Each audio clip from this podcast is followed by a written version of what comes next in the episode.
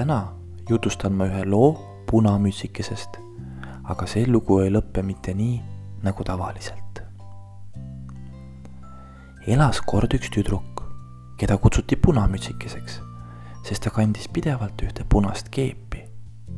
ja ühel ilusal päeval ütles ema talle, punamütsike, kas sa läheksid äkki täna ja vaataksid, kuidas läheb meie vanaemal ja vanaisal? Ja võib-olla võtad neile kaasa ka natukene kooki ja piima. punamütsik oli sellega kohe nõus. ta läks koridori, pani ennast riidesse, ema tuli, andis talle korvikese koos koogi ja piimaga ja niimoodi asuski ta teele. rõõmsal meelel kõndis ta läbi metsa, vaatas, kui ilusti lilled õitsevad ja linnud laulavad aga mida ta ei teadnud, oli see, et keegi jälgis teda põõsa tagant. ja see loomulikult oli ju hunt. ja äkki ühe aasa peal hunt läkski punamütsikese juurde. punamütsikene ehmus korraks, küsis, kuidas ma saan sind aidata.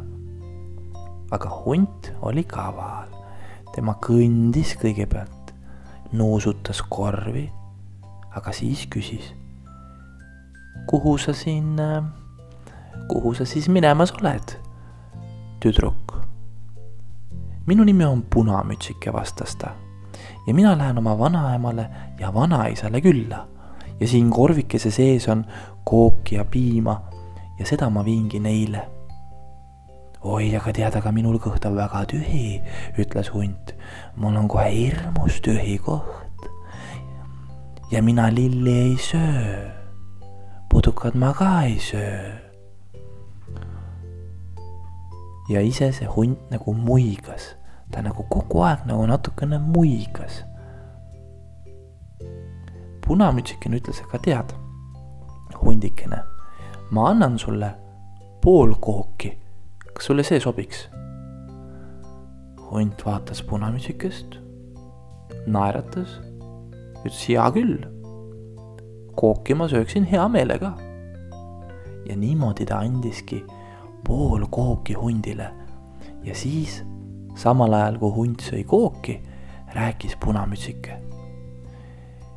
kas sa tead, et tegelikult on täna minu vanaemal ja vanaisal üks oluline päev.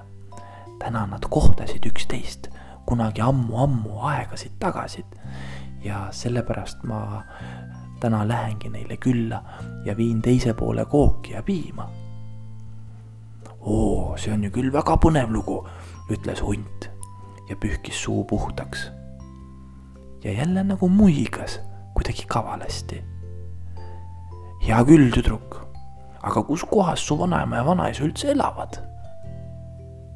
ja siis punamütsikene rääkis ja selgitas, kuhu ta on minemas, mille peale hunt aga siis ütles nii. hea küll, punamütsike, ma soovin sulle ilusat teed, sest et mina pean nüüd kiiresti minema edasi ühte kohta. ja niimoodi hunt oligi kadunud punamütsike võttis korvikese ja liikus mööda metsarada edasi.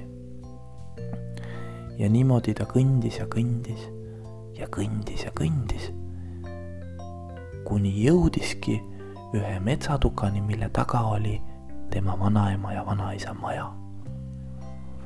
ja kui ta siis sealt metsatuka tagant välja keeras, ei uskunud ta oma silmi vanaema ja vanaisa maja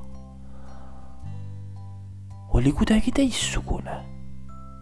ta oli nagu samasugune, aga midagi oli teistmoodi.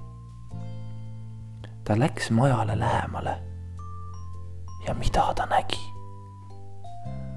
vanaema ja vanaisa maja akendest oli näha, et justkui tuled vilguvad ja kui ta läks veel lähemale, siis ta nägi, et ukse vahelt tuleb välja nagu tossu.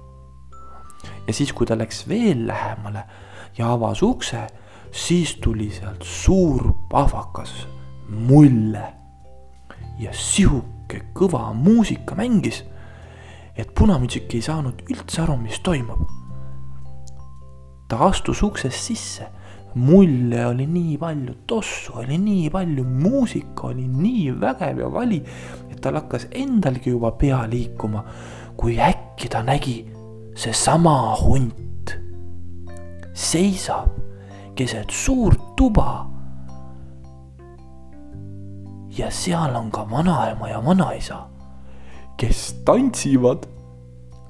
punamütsike hõõrus oma silmi ja ei suutnud uskuda, mida ta näeb ja ta läks lähemale. ja siis hüüdis hunt, üllatus! ma tulin siia, et sinu vanaemale ja vanaisale teha üks lahe pidu, sellepärast et sina andsid mulle kooki ja ütlesid, et neil on täna nii tähtis päev. punamütsikene mõtles, vaatas vanaemale ja vanaisale otsa ja ütles, aga, aga see see on ju hunt, ma andsin talle kooki sellepärast, et ma kartsin, et äkki ta pistab meid pintslisse.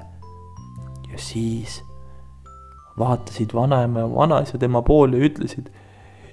tütrekene, kallikene, ega see ei ole mingi tavaline hunt, see siin, see on ju peohunt. ja niimoodi jäidki nad kõik koos veel mõneks ajaks sinna pidutsema. loo lõpp.